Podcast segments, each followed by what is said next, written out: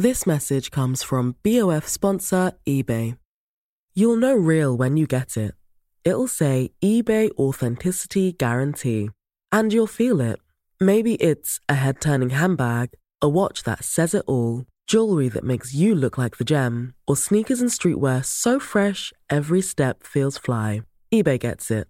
So look for the blue check mark next to that thing you love and be confident that every inch, stitch, sole, and logo is checked by experts. With eBay Authenticity Guarantee, you can trust that feeling of real is always in reach. Ensure your next purchase is the real deal. Visit eBay.com for terms. Millions of people have lost weight with personalized plans from Noom, like Evan, who can't stand salads and still lost 50 pounds. Salads, generally, for most people, are the easy button, right? For me, that wasn't an option. I never really was a salad guy. That's just not who I am. But Noom worked for me. Get your personalized plan today at Noom.com. Real Noom user compensated to provide their story. In four weeks, the typical Noom user can expect to lose one to two pounds per week. Individual results may vary.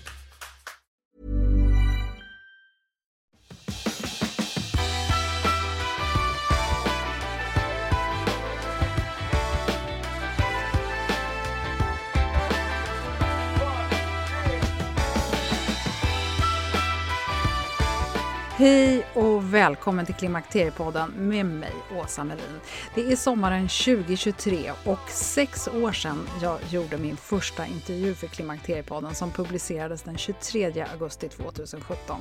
Under tiden så har Klimakteriepodden vuxit och det är idag långt över 3 miljoner nedladdningar. Många lyssnare har kommit och gått under de här åren och jag vet att många har varit med hela vägen.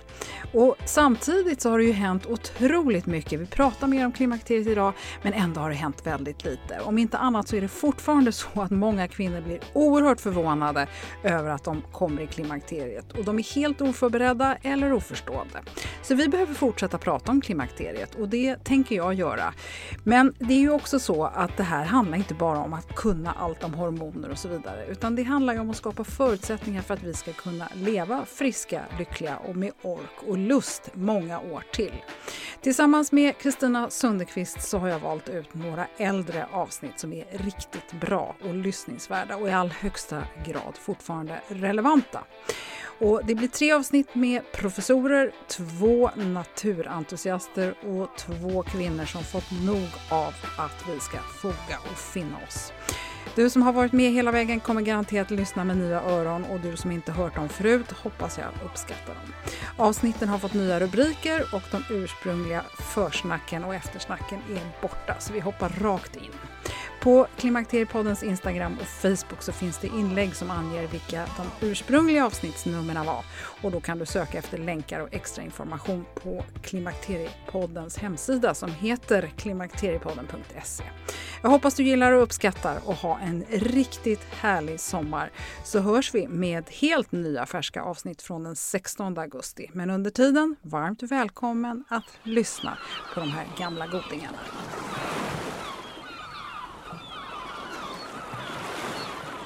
Då önskar jag Kerstin Brismar hjärtligt välkommen till Klimakteriepodden. Tack så mycket.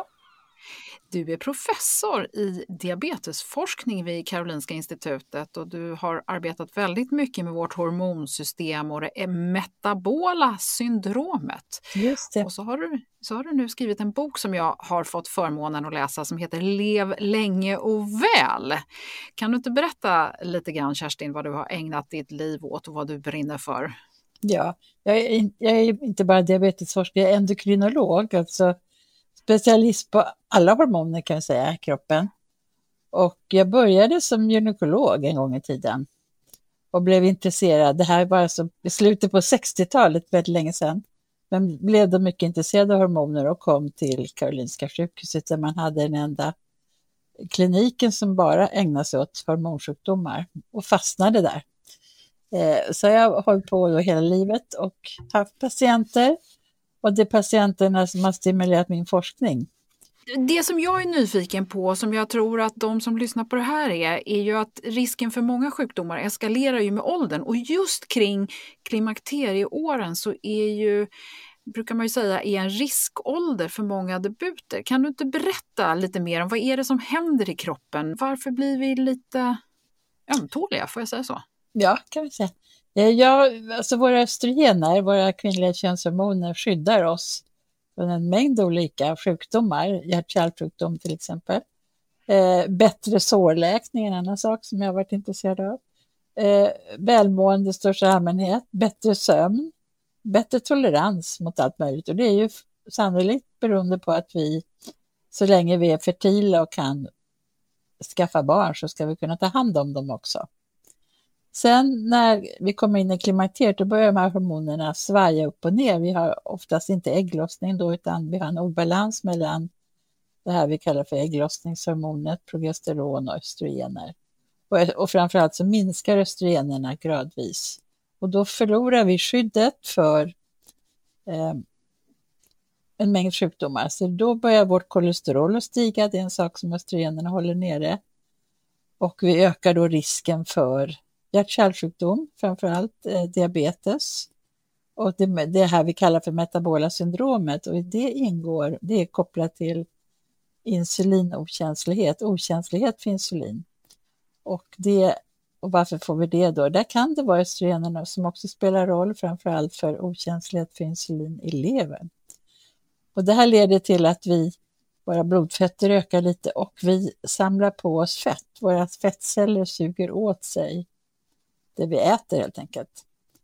Och det är väldigt tråkigt och då går vi upp i vikt och framförallt midjemåttet ökar och bukfettman ökar lite grann och det bidrar också till den här insulinokänsligheten.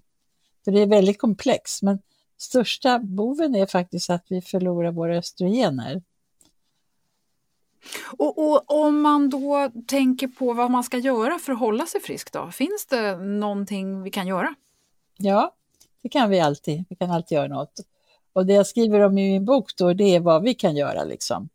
Eh, och i den här boken har jag utgått ifrån de blå zonerna, områden i världen där folk sedan gen flera generationer blivit mycket gamla och inte bara gamla utan också pigga åldringar, aktiva eh, åldringar aktiva, och utan de här folksjukdomarna vi pratar om.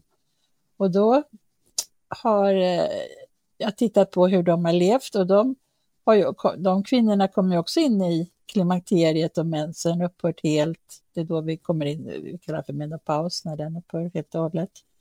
Och östrogenerna är borta, men de är ändå pigga och vitala och får ingen demens och dör inte hjärtinfarkt tidigt eller dör inte i cancer eller får inte diabetes. Och, och blir de inte heller tjocka? De blir inte tjocka, de, nej precis, de blir inte tjocka. Lite, lite runda, att vara lite rund när man blir äldre är inte farligt. Det är lite farligare när man är medelålders kanske, men när man är, kommer över 60 så är inte, då, får man vara lite rundare. Mm. alltså, några kilo mer. Och jag brukar säga eh, längden minus 100 i kilo. Så att är du 1,67 så kan du väga 67 kilo, 68, 69 utan att det är något problem. De här kvinnorna i de här blåa zonerna ja. eh, som blir äldre och hälsosamma och sådär. Har du någon aning eller vet man överhuvudtaget i vilken utsträckning de eventuellt eh, tar östrogentillskott? Det tar de inte alls eh, i stort sett utan där kan jag tänka mig att det kanske är deras, de lever ju på Alltså de är ju vegeta inte vegetarianer men deras baskost är, är från växtriket. Och det är mycket örter och grönsaker av alla slag och frukter och sen är det proteintillskott som kommer från får eller fisk eller baljväxter också vegetariskt. Eller kött som är, kan då vara rött kött så att säga, men lite mer sparsamt. Ägg är vanligt, eh, också proteinkälla. Men här i de här växtriket så finns det också östrogenliknande eh, preparat, typ sojaprodukter har östrogenliknande effekter. Så jag kan tänka mig att det bidrar, det som de får i sig från ja, växtriket. Okay. Mm. Ja, men det är ju jättespännande. Det här med högt blodtryck då och hjärt-kärlsjukdomar, är det alltså också länkat till den här hälsosamma livsstilen generellt? Just det, det är det för att det, hur ska man undvika, alltså då kan vi säga två saker. Det finns såklart eh, ärftligt risk att drabbas av högt blodtryck, då kan man titta i sin familj. Finns det många som har högt blodtryck där, då har jag också en högre risk. Eller har någon dött i hjärtinfarkt före 80 års ålder, då har jag också en högre risk. Och så vidare. Och har, någon, och har de diabetes har jag också en högre risk. Men man kan undvika att få sjukdomarna även om man har en risk, även om man har ett, ett arv så att säga.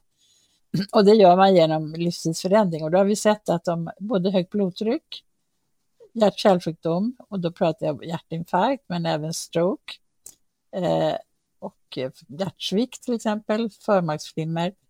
Eh, det kan man då minska risken om man inte röker och det gör inte de i de här områdena. Det är en väldigt viktig riskfaktor som man ska undvika då eller sluta så fort man kan och inte heller använda snus faktiskt, har det visat sig. Eh, så tobak är farligt. Och sen är det att man rör sig, att man är fysiskt aktiv, att man, att man är uppe på benen och går. Man behöver inte, man bara är, är aktiv helt enkelt. Och det andra är att man väljer de här växt, vad heter det, maten, kosten som är väldigt bra. Och då är det viktigt att de här har ju inte raffinerat mjöl, de äter inte vitt mjöl överhuvudtaget utan det är väldigt fiberrikt och fullkornsrikt. Eh, och de har, ing, har eh, socker använder de inte alls utan det söta får de i sig via frukter till exempel. Eh, och, så att de äter ju väldigt mycket bättre än vad vi gör. Inget processat kött, ingen snabbmat. Och sen äter de också eh, på ett annat sätt som de följer ljus, alltså dygnet, det vill säga deras sista måltid är oftast den minsta måltiden eh, och det är kanske vid sextiden. Och på, de har huvudmåltiden oftast mitt på dagen. Så de äter inte sent på kvällen. Och sen stressar de inte, det är en annan viktig faktor. Så stress är någonting som är väldigt farligt i vårt samhälle. Eh, som skapar många sjukdomar, jag är övertygad om. Bättre. Och allt det här som jag pratar om, om man rör sig för lite, äter fel, stressar för mycket, sover för lite, alltså inte följer ljus, ljusets rytm, så att säga, dag och natt, då skapar vi den här insulinresistensen och den bidrar till högt blodtryck bland annat, för våra kärl blir stela. Och högt blodtryck då, stela kärl, är ju liksom en riskfaktor för att sen få sjuka kärl som leder till hjärt-kärlsjukdom.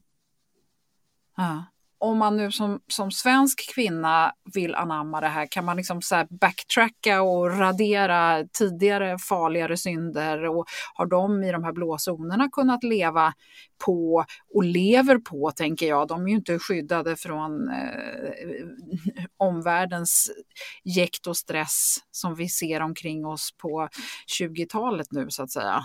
Förstår du vad jag menar? Ja, just det, men de är lite mer skyddade faktiskt från, från den här stressen. Men de, det, det, är aldrig för sent. Det är aldrig för sent. Det har flera studier visat. Att om du anammar den här mera hälsosamma livsstilen när du är 50 så vin, då kan du vara pigg när du är 85.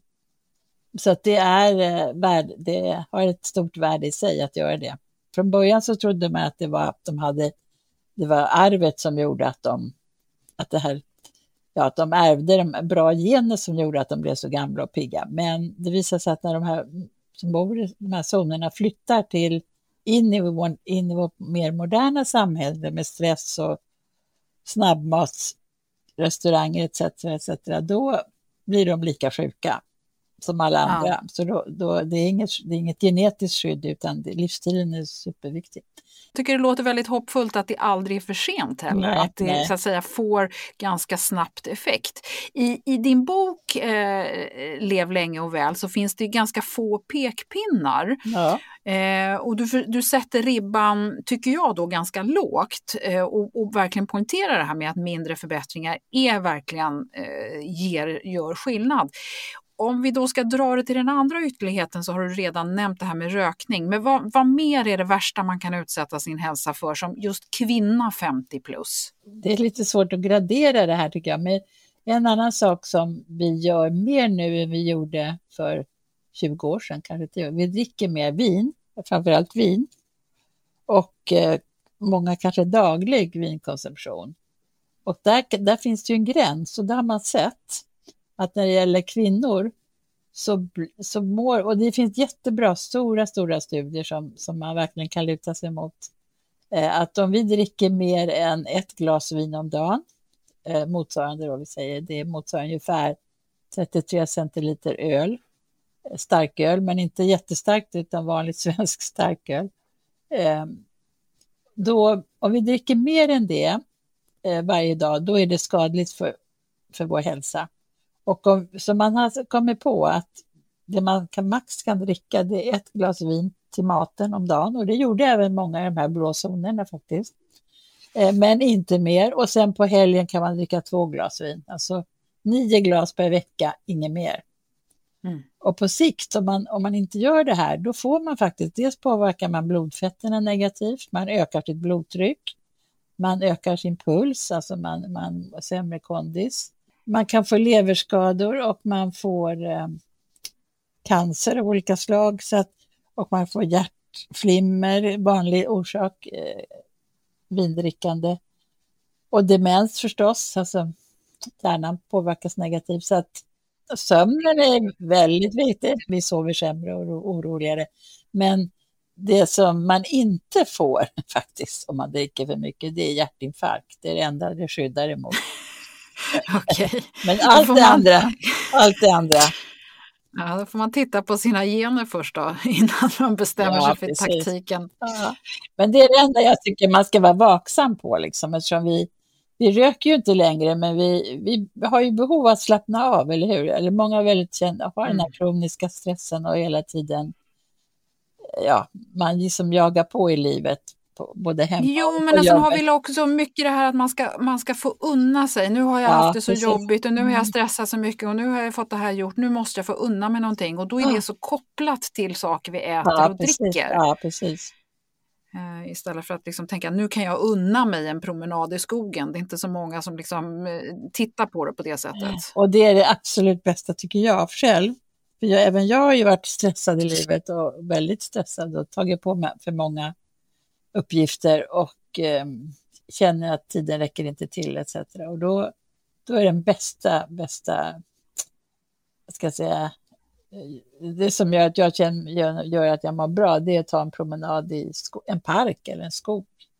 Mm. För mig är det Hagaparken, det är jättefint, så då, då försvinner alla bekymmer. De blir väldigt små och hanterbara, så att säga. Man får perspektiv. Mm.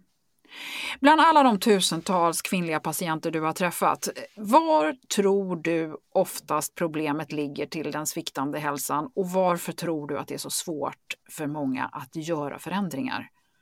Jag tror att många vill, alltså de som kommer till mig, de kommer till mig för att de vill göra, de vill må bättre. Eh, och jag får många patienter som kommer även för att höra om livsstilsfrågor faktiskt. Eh, att, vad de kan göra själva.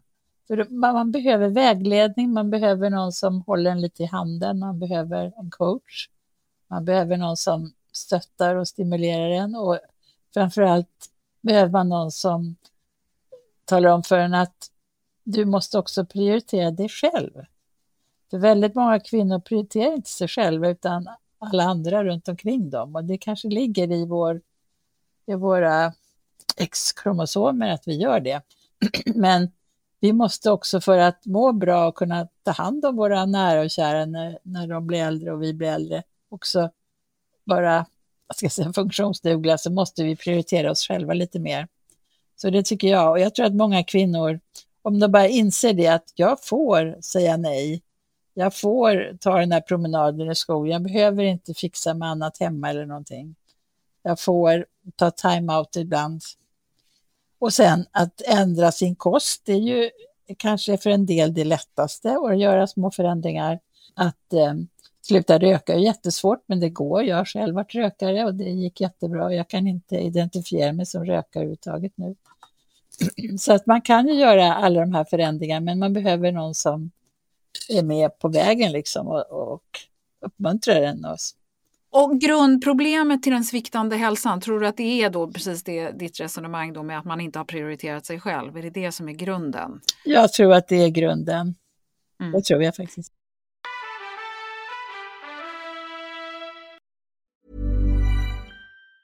Say hello to a new era of mental health care. Cerebral is here to help you achieve your mental wellness goals with professional therapy and medication management support. 100% online. You'll experience the all new Cerebral Way, an innovative approach to mental wellness designed around you. You'll get a personalized treatment plan from a therapist, prescriber, or both in a safe and judgment free space. Your cerebral therapist or prescriber will outline a customized plan with clear milestones along the way so you can get to feeling your best. With Cerebral, you're not alone in your mental health journey. We're here to empower you to live a fulfilling life. So take that first step towards a brighter future and sign up today at cerebral.com slash podcast and use code ACasts to get 15% off your first month. Offer only valid on monthly plans. Other exclusions may apply. Offer ends July 31st, 2024. See site for details. Hey, I'm Ryan Reynolds. At Mint Mobile, we like to do the opposite of what Big Wireless does. They charge you a lot we charge you a little. So naturally, when they announced they'd be raising their prices due to inflation, we decided to deflate our prices due to not hating you. That's right. We're cutting the price of Mint Unlimited from $30 a month to just $15 a month. Give it a try at mintmobile.com slash switch. $45 upfront for three months plus taxes and fees. Promo rate for new customers for limited time. Unlimited more than 40 gigabytes per month. Slows. Full terms at mintmobile.com. Det är härligt att klimakteriets tabu äntligen är på väg bort. Vill man försöka klara sig utan hormonbehandling så finns nu många nya kosttillskott som lovar bland annat hormonell balans och som ska stötta brister. Jag vill lyfta min räddare i nöden, Femarel. Det har inte bara varit min utan många andra kvinnors räddning i över 20 år. Och med lång tid på marknaden, med nöjda användare, dessutom med 20 forskningsstudier så vågar jag säga att det kan vara en god idé att prova Femarel. Femarel finns på apoteken och i hälsokostbutiker. Tack Femarel som varit min samarbetspartner i många år.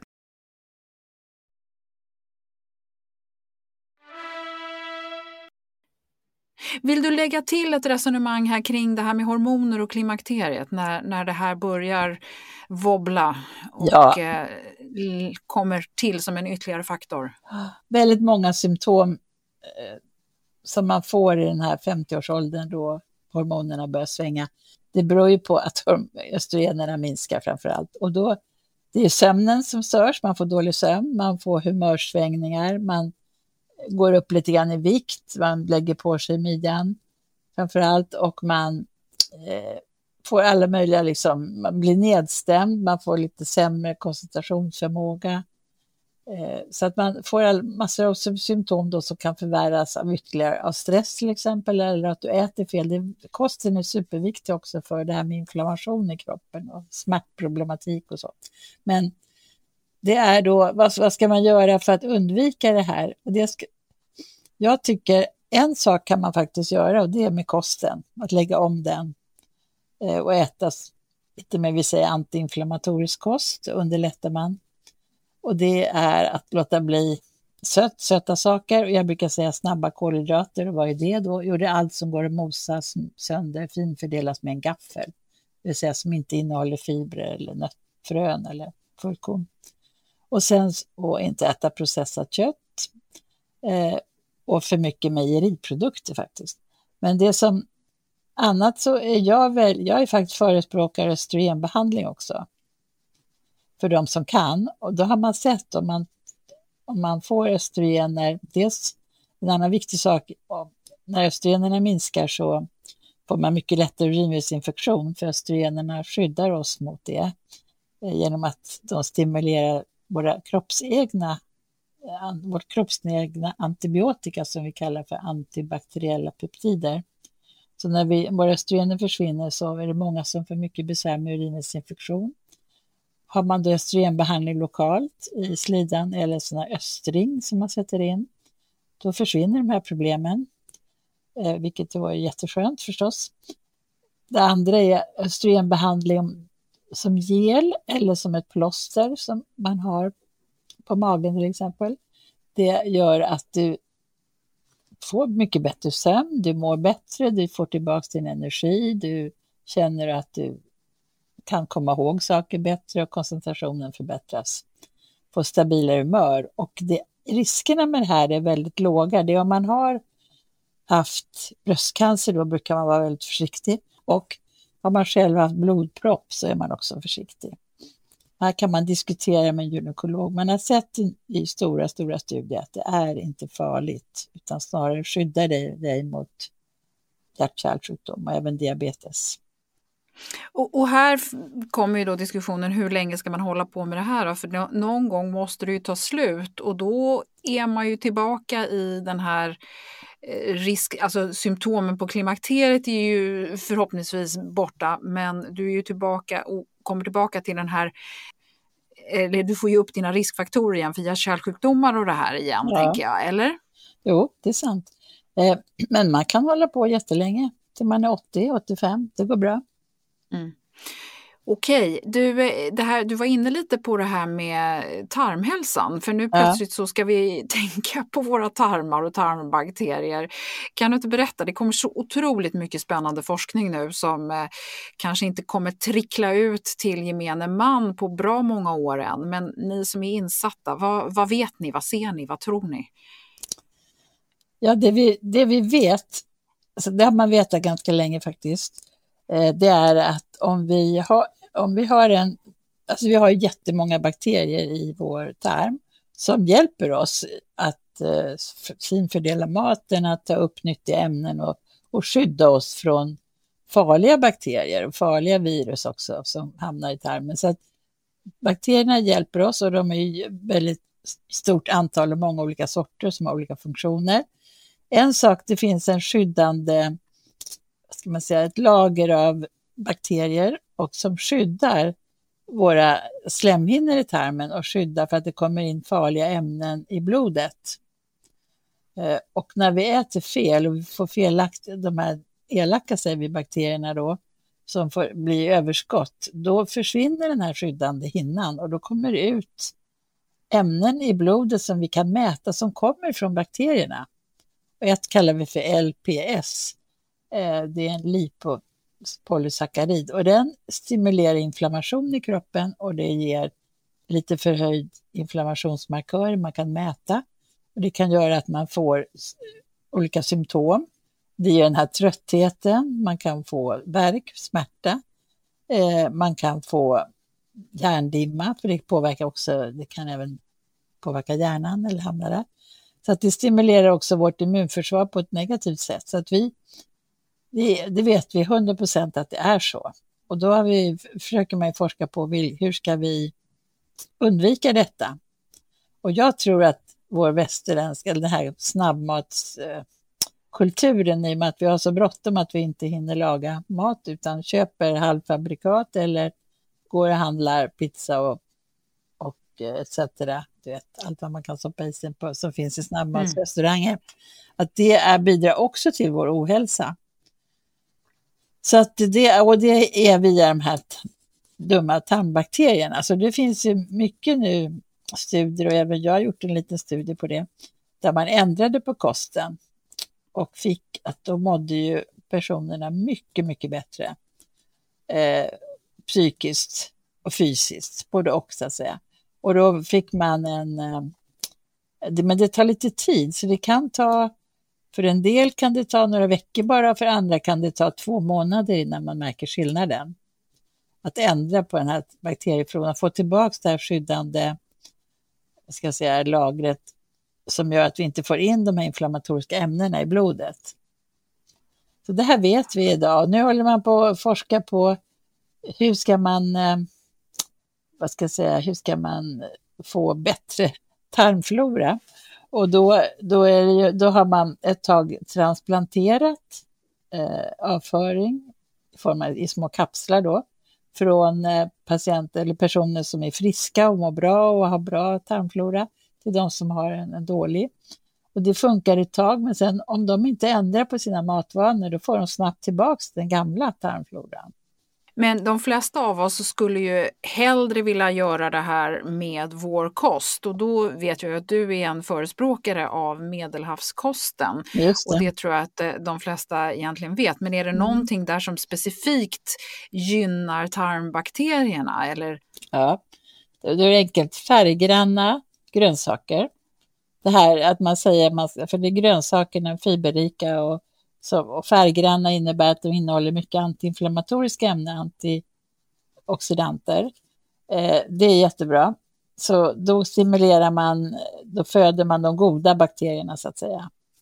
Och sen är det eh, typ surat mat, alltså surkål eller yoghurt, det tillför goda bakterier. Så man kan tillföra och man kan göda. Mm. Det tycker jag. Men tänk på det, tänk på hemma att man ska alltid äta fem, minst fem olika färger från växtriket så att säga. Ja, och så brukar man ju säga att man ska försöka få i sig minst 25-30 olika växtbaserade produkter per vecka. Just det. Eh, har jag läst ja, i alla fall. det är också bra. Ja. Ja, men jag tycker det är en utmaning. Varje gång ja. man handlar så ska man plocka på sig någonting man aldrig har vågat köpa förut ur grönsaksdisken. Ja. Tycker, tycker jag är spännande. Ja. Eh, du, eh, jag är väldigt nyfiken också på, du eh, listar i din bok en hel del, eller du pratar om myter. Mm. Kan du inte bara ge oss några tips på sånt som vi ska vara medvetna om när det gäller myter kring hälsa? Ja, en, en sak är ju att vi inte behöver dricka så mycket vatten hela tiden. Att många, många går omkring med vattenflaska och dricker. Och jag vet inte varför, men det behöver man inte om man äter normalt så får man i sig den vätska man behöver. Men äldre personer, om man är gammal då, kanske redan efter 75 års ålder, då kanske man inte känner den här, vad ska jag säga, normala törsten. Alltså hjärnan styr ju det här via ett centrum som även styr aptiten, så styr de vår törst. Så att vi får, de ser till att vi får i, eller hjärnan ser till att vi får i oss tillräckligt med vätska. Och då ska man då, förlorar man det lite grann. Så att äldre behöver kanske tänka mer aktivt på att få i sig extra vätska. Men det är en, en myt att man inte ska gå och dricka vatten hela tiden. Det, det räcker med en och en halv liter per dygn, per dygn. Men och sen den andra myten är att frukost är absolut det viktigaste målet på dagen och det är inte heller så för alla. Utan det är individuellt när vi tycker att vi mår bäst av vad vi äter. En del kan dricka bara en kopp te eller kaffe på morgonen eller vatten och sen så har de, tycker de att det är bättre att äta vid 10-11 tiden. Så där är också en myt. En annan myt tycker jag är intressant att det är farligt att jojobanta. Det är så djurriket och vi har gjort i alla våra tider. Vi äter upp oss när det fanns föda, till exempel eh, frukter och bär och, när, och, och spannmål och när eh, det kommer vinter eller torrperioder beroende på var man bor då, så ja, finns det väldigt lite tillgång på föda och då använder man det förrådet man har byggt upp när man... Så vår kropp är lite gjord för att det här jojobant om vi säger så. Men, men eh, det är ju lite längre perioder, det är ju inte en vecka här och nej, nästa nej, vecka nej, där. Precis, För det finns ju också forskning som stödjer att eh, kroppen alltid strävar efter att vara sitt största jag. Det, absolut, det finns det. Det finns det absolut och där tar det tid. Och det är också hjärnan som får för sig att det är ju, det, det, alltså det är ju så även i djurriket, att man man eh, strävar efter att ha en optimal vikt och för djuren är det det maximala så att säga om man lever i vilda livet, så att säga, vilda, ute i vildmarken och inte är tamdjur. För då, så fort du har obegränsad tillgång på mat, då blir du, för, då blir du tjock även om du är katt eller hund eller människa så att säga. Även, även djuren, våra labbrotter eller våra djur som vi har på zoo och så, de är kraftigare än de ute i, i det vilda. Det beror på att tillgången på mat är för, för stor. Och då för, förlorar vi regleringen. Vi gjorde en studie där vi tittade på möss som hade eh, som har samma genuppsättning som vi i princip, så att de har risk att gå upp i vikt och risk att få diabetes etc. om de äter för mycket. Och då gav vi dem, en, en grupp möss fick vanlig musmat som är mest en blandning av vegetab ja, både animaliskt och veget från växtriket. Då. Men den andra musgruppen fick tillsatt av extra socker och extra fett. Och de som fick det, de började ändra sitt ätbeteende. Efter ett tag så började de småäta hela tiden och sova mindre och äta liksom på dagen då de normalt mest vilade och sov. Så de började småäta kan man säga dygnet runt och de gick ju upp i vikt jättefort. Och totala, det var intressant det var totala eh, födointaget i viktsmässigt var mindre eh, än de andra mössens intag. Men det var ju mer energität eftersom det var mer fett. Men de, det intressanta var att de, vi tittade i hjärnan då vad som hände. Det, det som hände var att de förlorade förmågan att känna mättnadskänsla och eh, förbränningen minskade också i kroppen. Så hjärnan styr även förbränningen. De blev också lite slöare, de rörde sig mindre. Eh, och sen fick de en inflammation i hjärnan, även på ställen som har med vårt välbefinnande att göra. Så de blev lite ängsligare, oroligare och mådde sämre, liksom den här mössen. Mm. Så det är jätteintressant. Verkligen. Och det, var, och det är intressant att om du då bryter det där och, på mössan och kan få dem att tillbaka och äta normalt igen, då, då försvinner det här. Så det är inte kört liksom. Nej, men, men strävar de då fortfarande efter att bli sitt tjockaste jag? Ja, det gör de ju, men då har de inte tillgång. Då styr ju Nej, och det är väl det som är vårt problem då, att ja. vi har tillgång. Så att har jag en gång vägt 10 kilo för mycket så kommer jag så att säga få kämpa för att, att ha min korrekta vikt. Ja, det stämmer. det stämmer. Vi kan lura hjärnan, en grej, vet du vad det är? En, en, en, grej som hjärnan uppfattar aptit, nu tänker jag att den är mätt, det är när kroppstemperaturen ökar lite.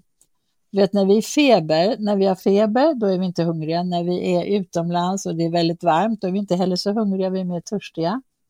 Eh, så att om man ökar kroppstemperaturen lite grann, då blir man inte lika hungrig liksom. Eller så är sugen och inte lika, man blir snabbare mätt. Så att då ska man anstränga sig lite innan man äter. Så vi hade en professor hos oss som besökte oss som forskar på det här, han kom från Kalifornien.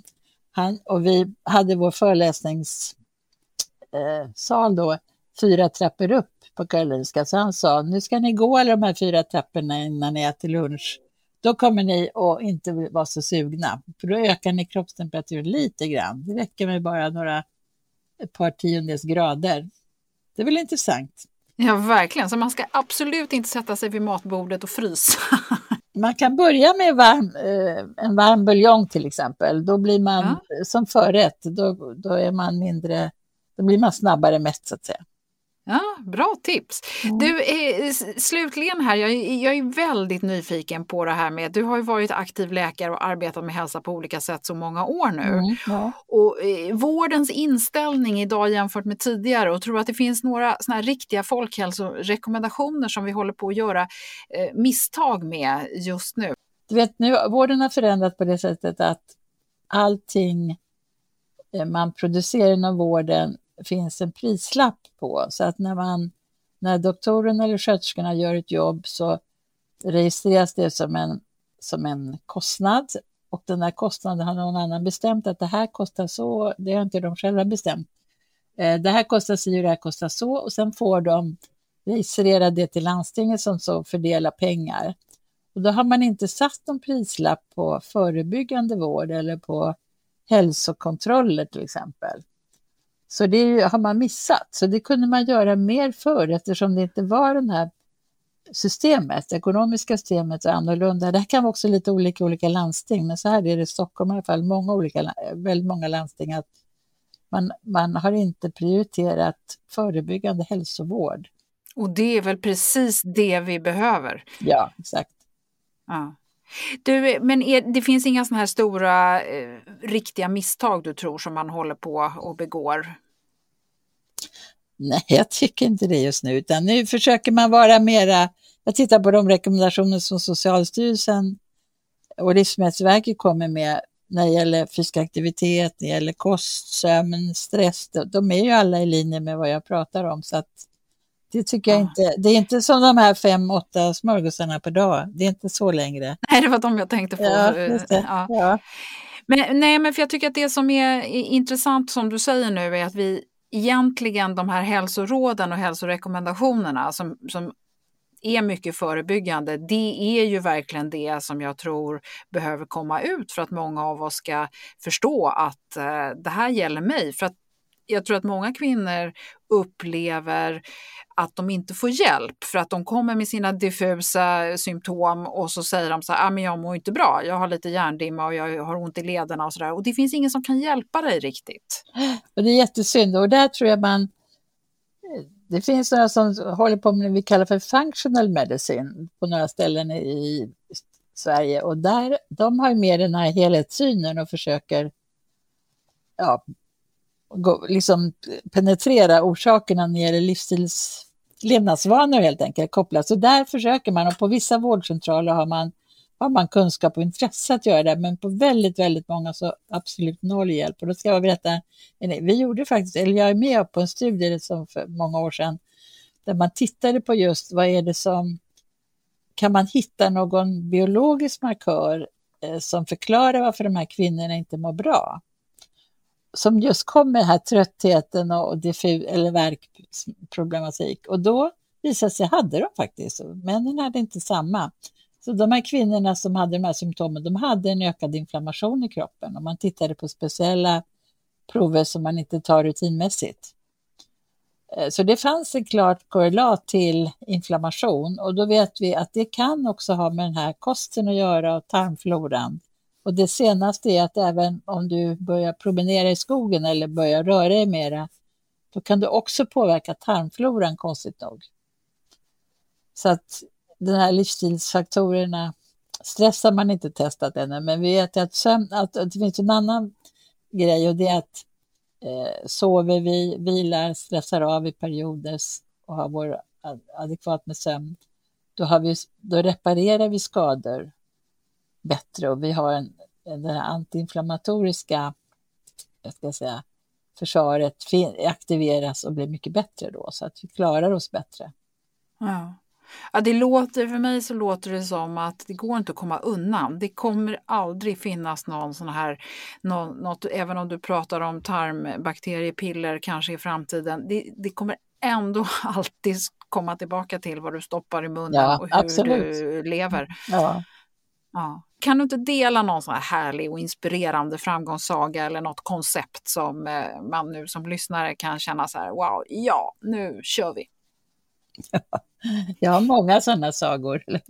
Just nu tänker jag på en, en kvinna som kom till mig och hade haft många medicinska bekymmer och lite andra bekymmer och väldigt hårt jobb, stressigt jobb. Som också då hade fått en diabetes som åkte, som, alltså typ 2 diabetes. Hade övervikt till lite högt blodtryck, höga blodfetter och trött, mycket värk i leder och värk, besvärlig mage etc. Men då så gick vi in för den här kosten, alltså då är det kost, motion och jag har då möjlighet att, jag ofta ser patienterna mycket oftare för att stötta dem, så att det är inte bara en gång per år, utan det, det, när behöver de så kan de komma en gång i månaden i början. Och sen fick, då får de även instruktioner via, jag, jag delar ut vilka varor man ska utgå från när man lagar mat och så var det lite motions men hon blev inspirerad och började. Och sen när jag hade min 5.2-studie så deltog hon också i det att två dagar i veckan äta mindre.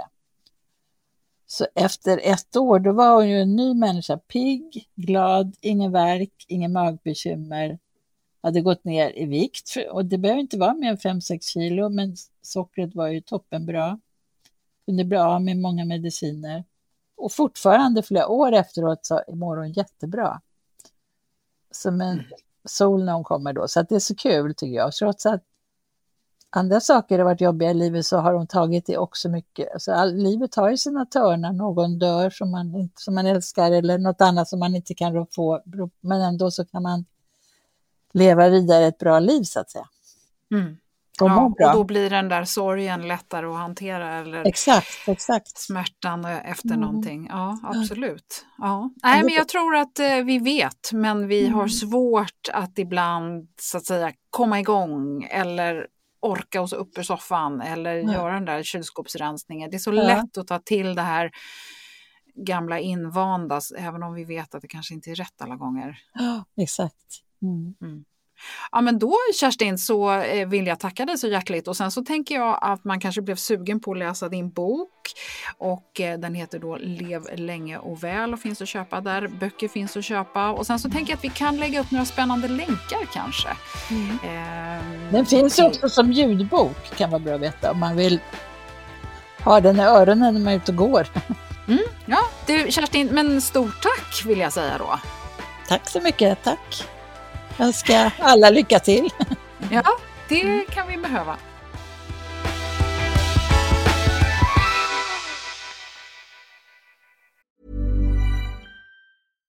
This message comes from BOF sponsor eBay. You'll know real when you get it. It'll say eBay Authenticity Guarantee. And you'll feel it. Maybe it's a head turning handbag, a watch that says it all jewelry that makes you look like the gem, or sneakers and streetwear so fresh every step feels fly. eBay gets it. So look for the blue check mark next to that thing you love and be confident that every inch, stitch, sole, and logo is checked by experts. With eBay Authenticity Guarantee, you can trust that feeling of real is always in reach. Ensure your next purchase is the real deal. Visit eBay.com for terms.